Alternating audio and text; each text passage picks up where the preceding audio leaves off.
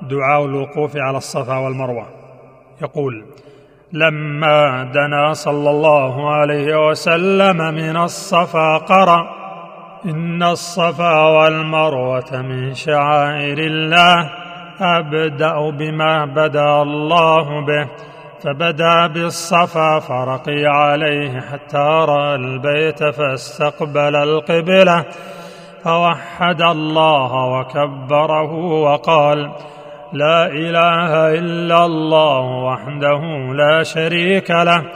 له الملك وله الحمد وهو على كل شيء قدير.